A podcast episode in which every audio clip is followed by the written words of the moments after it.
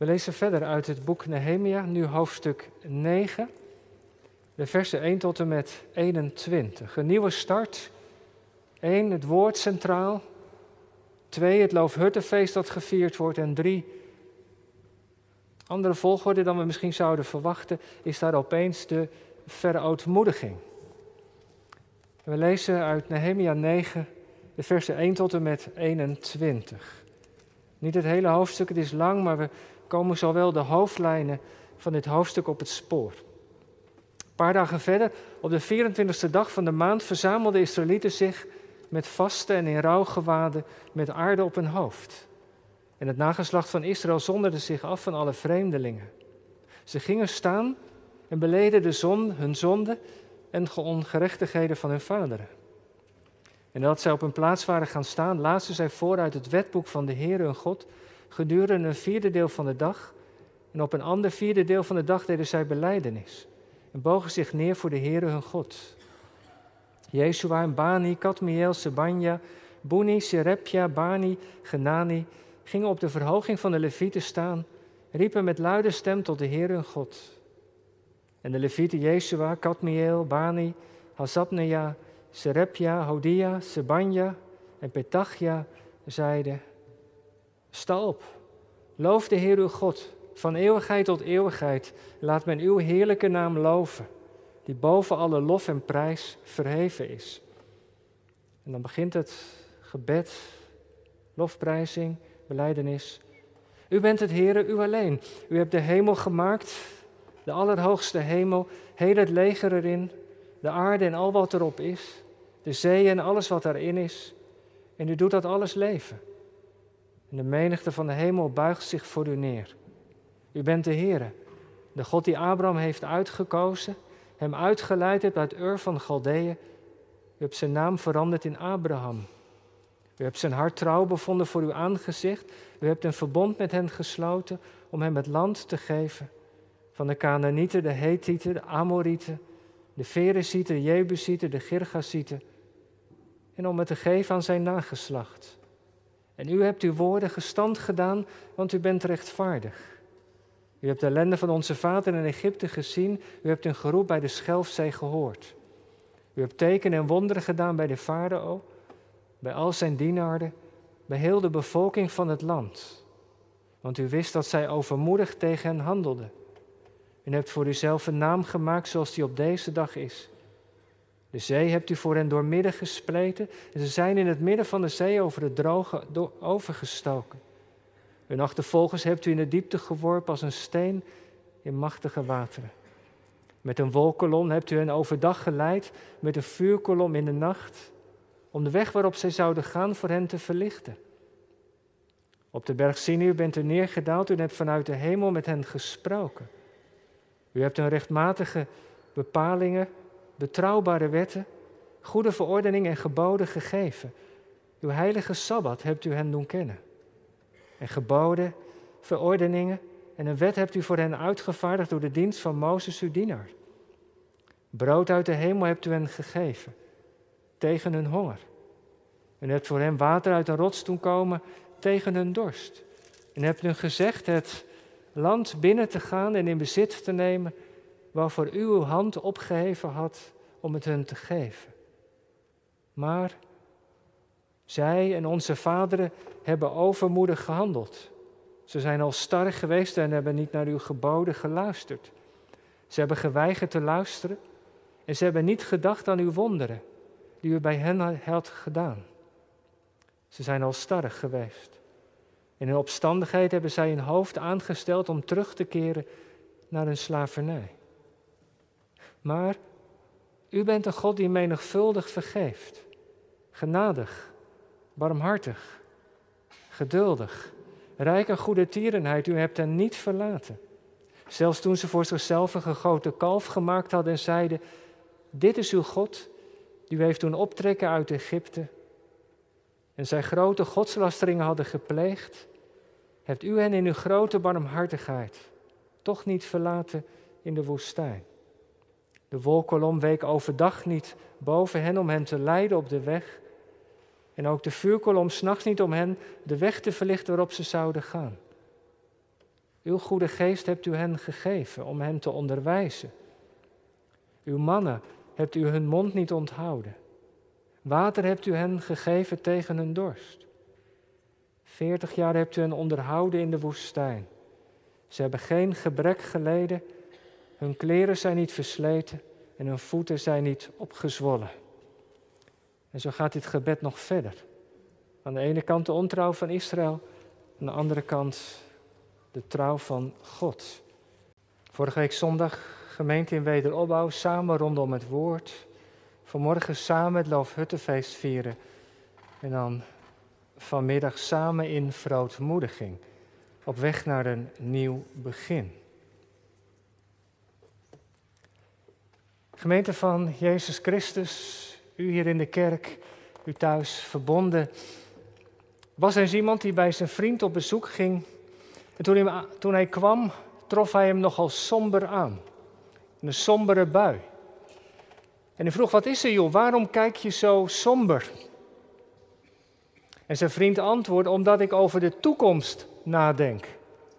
Maar, maar waarom ben je dan zo somber? En hij antwoordde: Vanwege mijn verleden.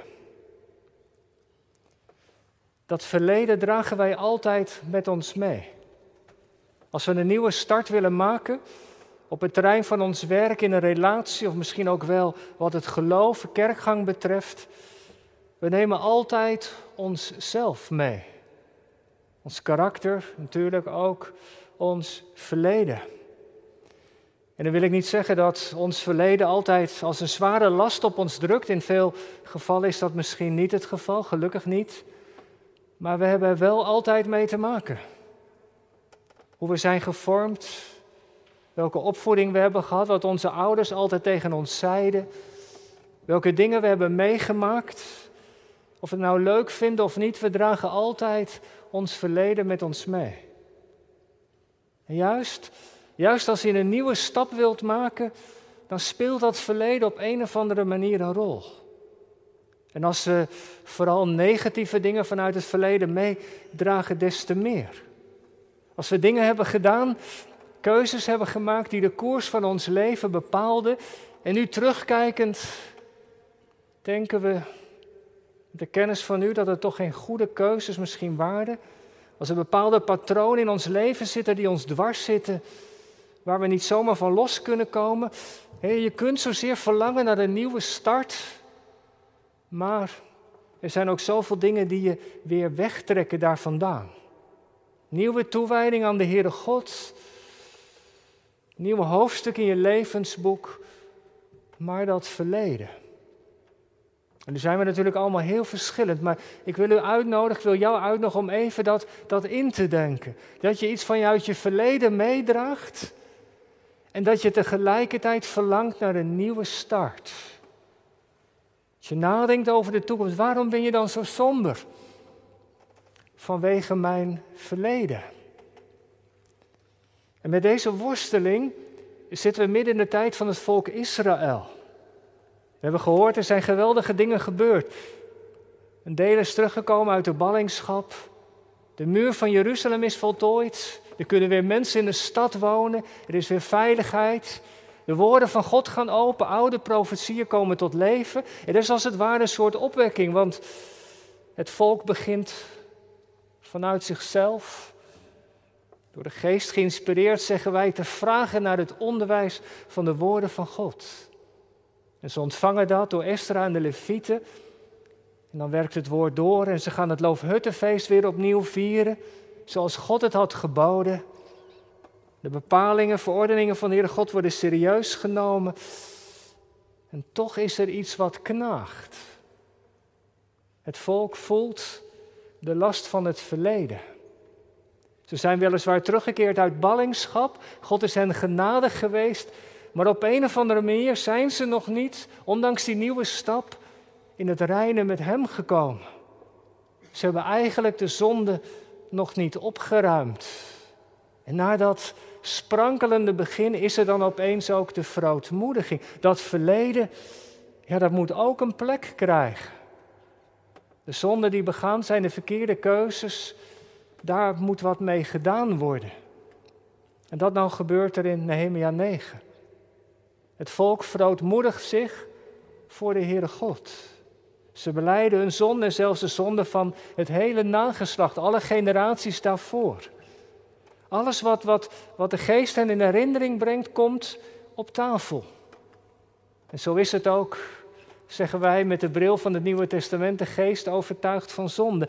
Na die nieuwe start is er dan ook de verootmoediging. Samen één in verootmoediging voor de Heer. En gemeente, dat is belangrijk.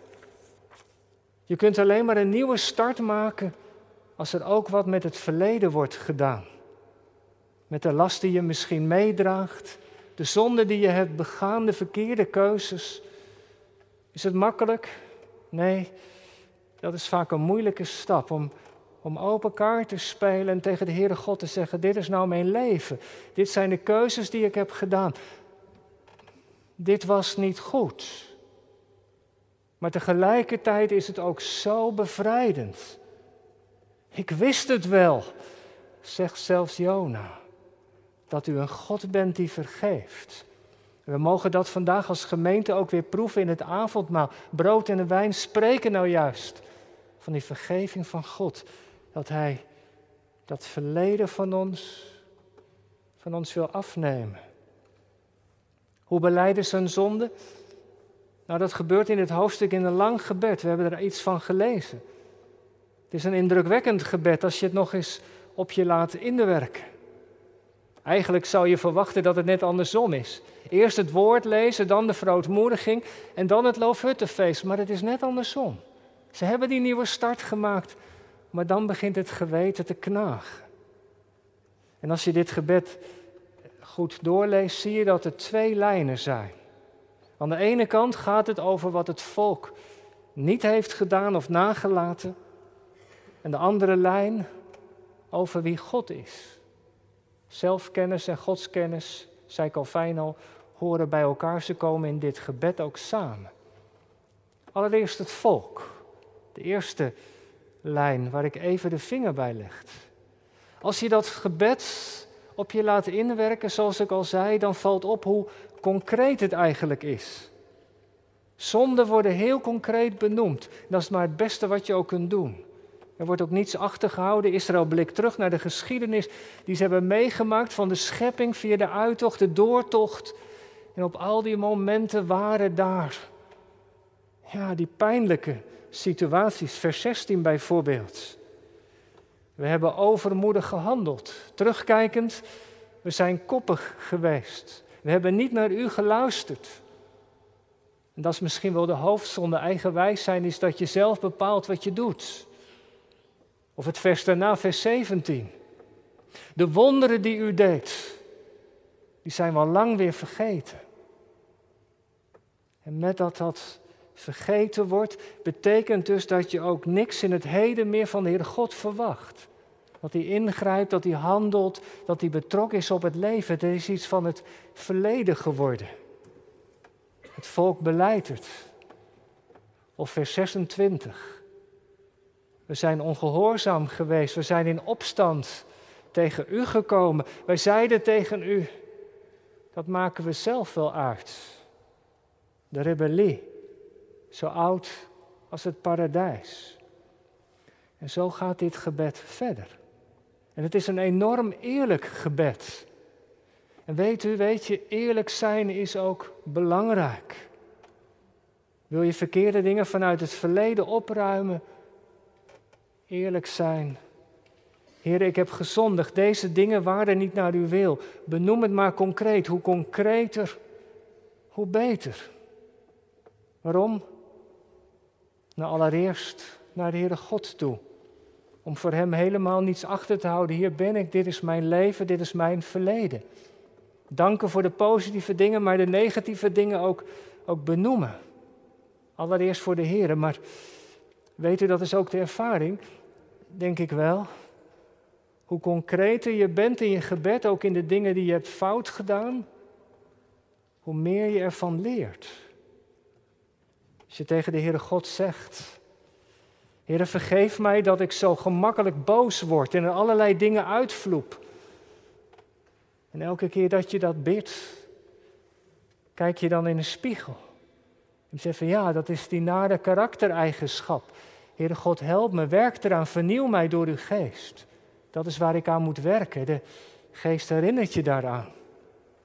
Hoe concreter, hoe beter. Zo mag Nehemia samen met alle anderen in Israël voor de Heer beleiden die ene draad, laten we maar zeggen de draad van het verleden, de draad van de ontrouw. Maar er is nog een andere draad. En misschien is dat wel de grondtoon van dit gebed. De grondtoon die alles draagt. En dat is de trouw van God. Maar u, zo komen we dat een paar keer in dit gebed tegen. Maar u bent de God die vergeeft. Vers 17. Maar u bent een God die menigvuldig vergeeft, heel vaak. Genadig, barmhartig, langmoedig. Groot van goede tierenheid. Vers 27. Toen wij riepen, toen hoorde u. Vers 31. Door uw grote barmhartigheid hebt u ons niet vernietigd. We zijn er nog, we mochten opnieuw beginnen. U bent ons genadig geweest. Of als je dat hele gebed leest, dan valt op dat het woordje barmhartigheid ook zo vaak tegenkomt. Steeds weer is daar het refrein. Maar u. Ondanks de zonde, ondanks de ongehoorzaamheid. Weet u, zegt de dichter, beleid Israël, u bent er heren niet van doorgegaan. Vers 31, u hebt ons niet verlaten. Er zit zoveel achter. Want dat is de angst die wij mensen toch vaak hebben. Ze verkeerde keuzes hebben gemaakt. Dat als we ontrouw zijn geweest, dat die ander er vandoor gaat, dat zou misschien helemaal terecht zijn.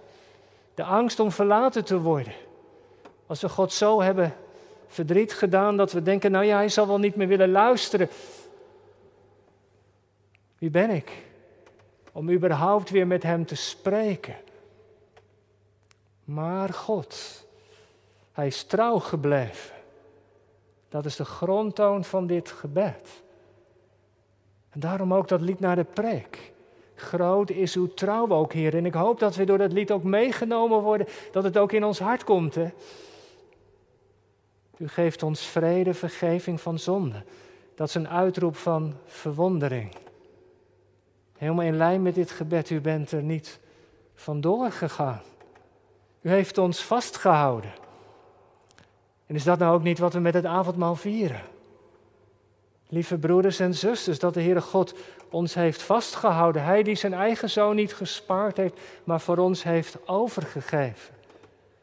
Hij kan die macht van de zon in ons leven breken. Hij weet raad met ons verleden. Als geen ander. Vind dat zo bevrijdend. Want wat dragen we allemaal wel niet mee? Apostel Johannes die zegt, als wij onze zonde beleiden, hij is getrouw en rechtvaardig. Om die zonde te vergeven en ons van binnen te reinigen. Nou, dat mogen we vanmiddag ook weer proeven. Hij wil ons laten delen zijn vergeving. Als u de uitnodiging aanvaardt en opstaat, denk dan nog even aan het verleden als een rugzak. Die mag je in de bank laten. Je mag opstaan. Of je mag hem bij de tafel neerleggen, om zo te zeggen. Als de zoon u vrij maakt, dan zult u werkelijk vrij zijn. Hij schenkt een nieuw begin. Vanmiddag. Zomaar hier. Ik bid dat de viering van het avondmaal dat in ons uitwerkt. Dat we geraakt worden door het zingen, door het proeven van de geweldige trouw van God en dat het ons leven zal stempelen. Ook morgen als het weer maandag is of donderdag, dat je even terugdenkt, elf uur. Oh ja, waar ging het over? Over de ontrouw van onze mensen, maar vooral over de trouw van onze God. Dat we ons erover verwonderen.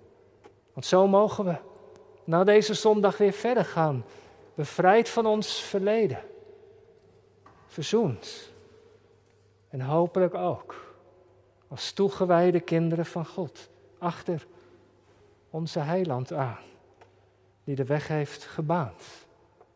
Laten we daarvan zingen en ons verwonderen. Amen.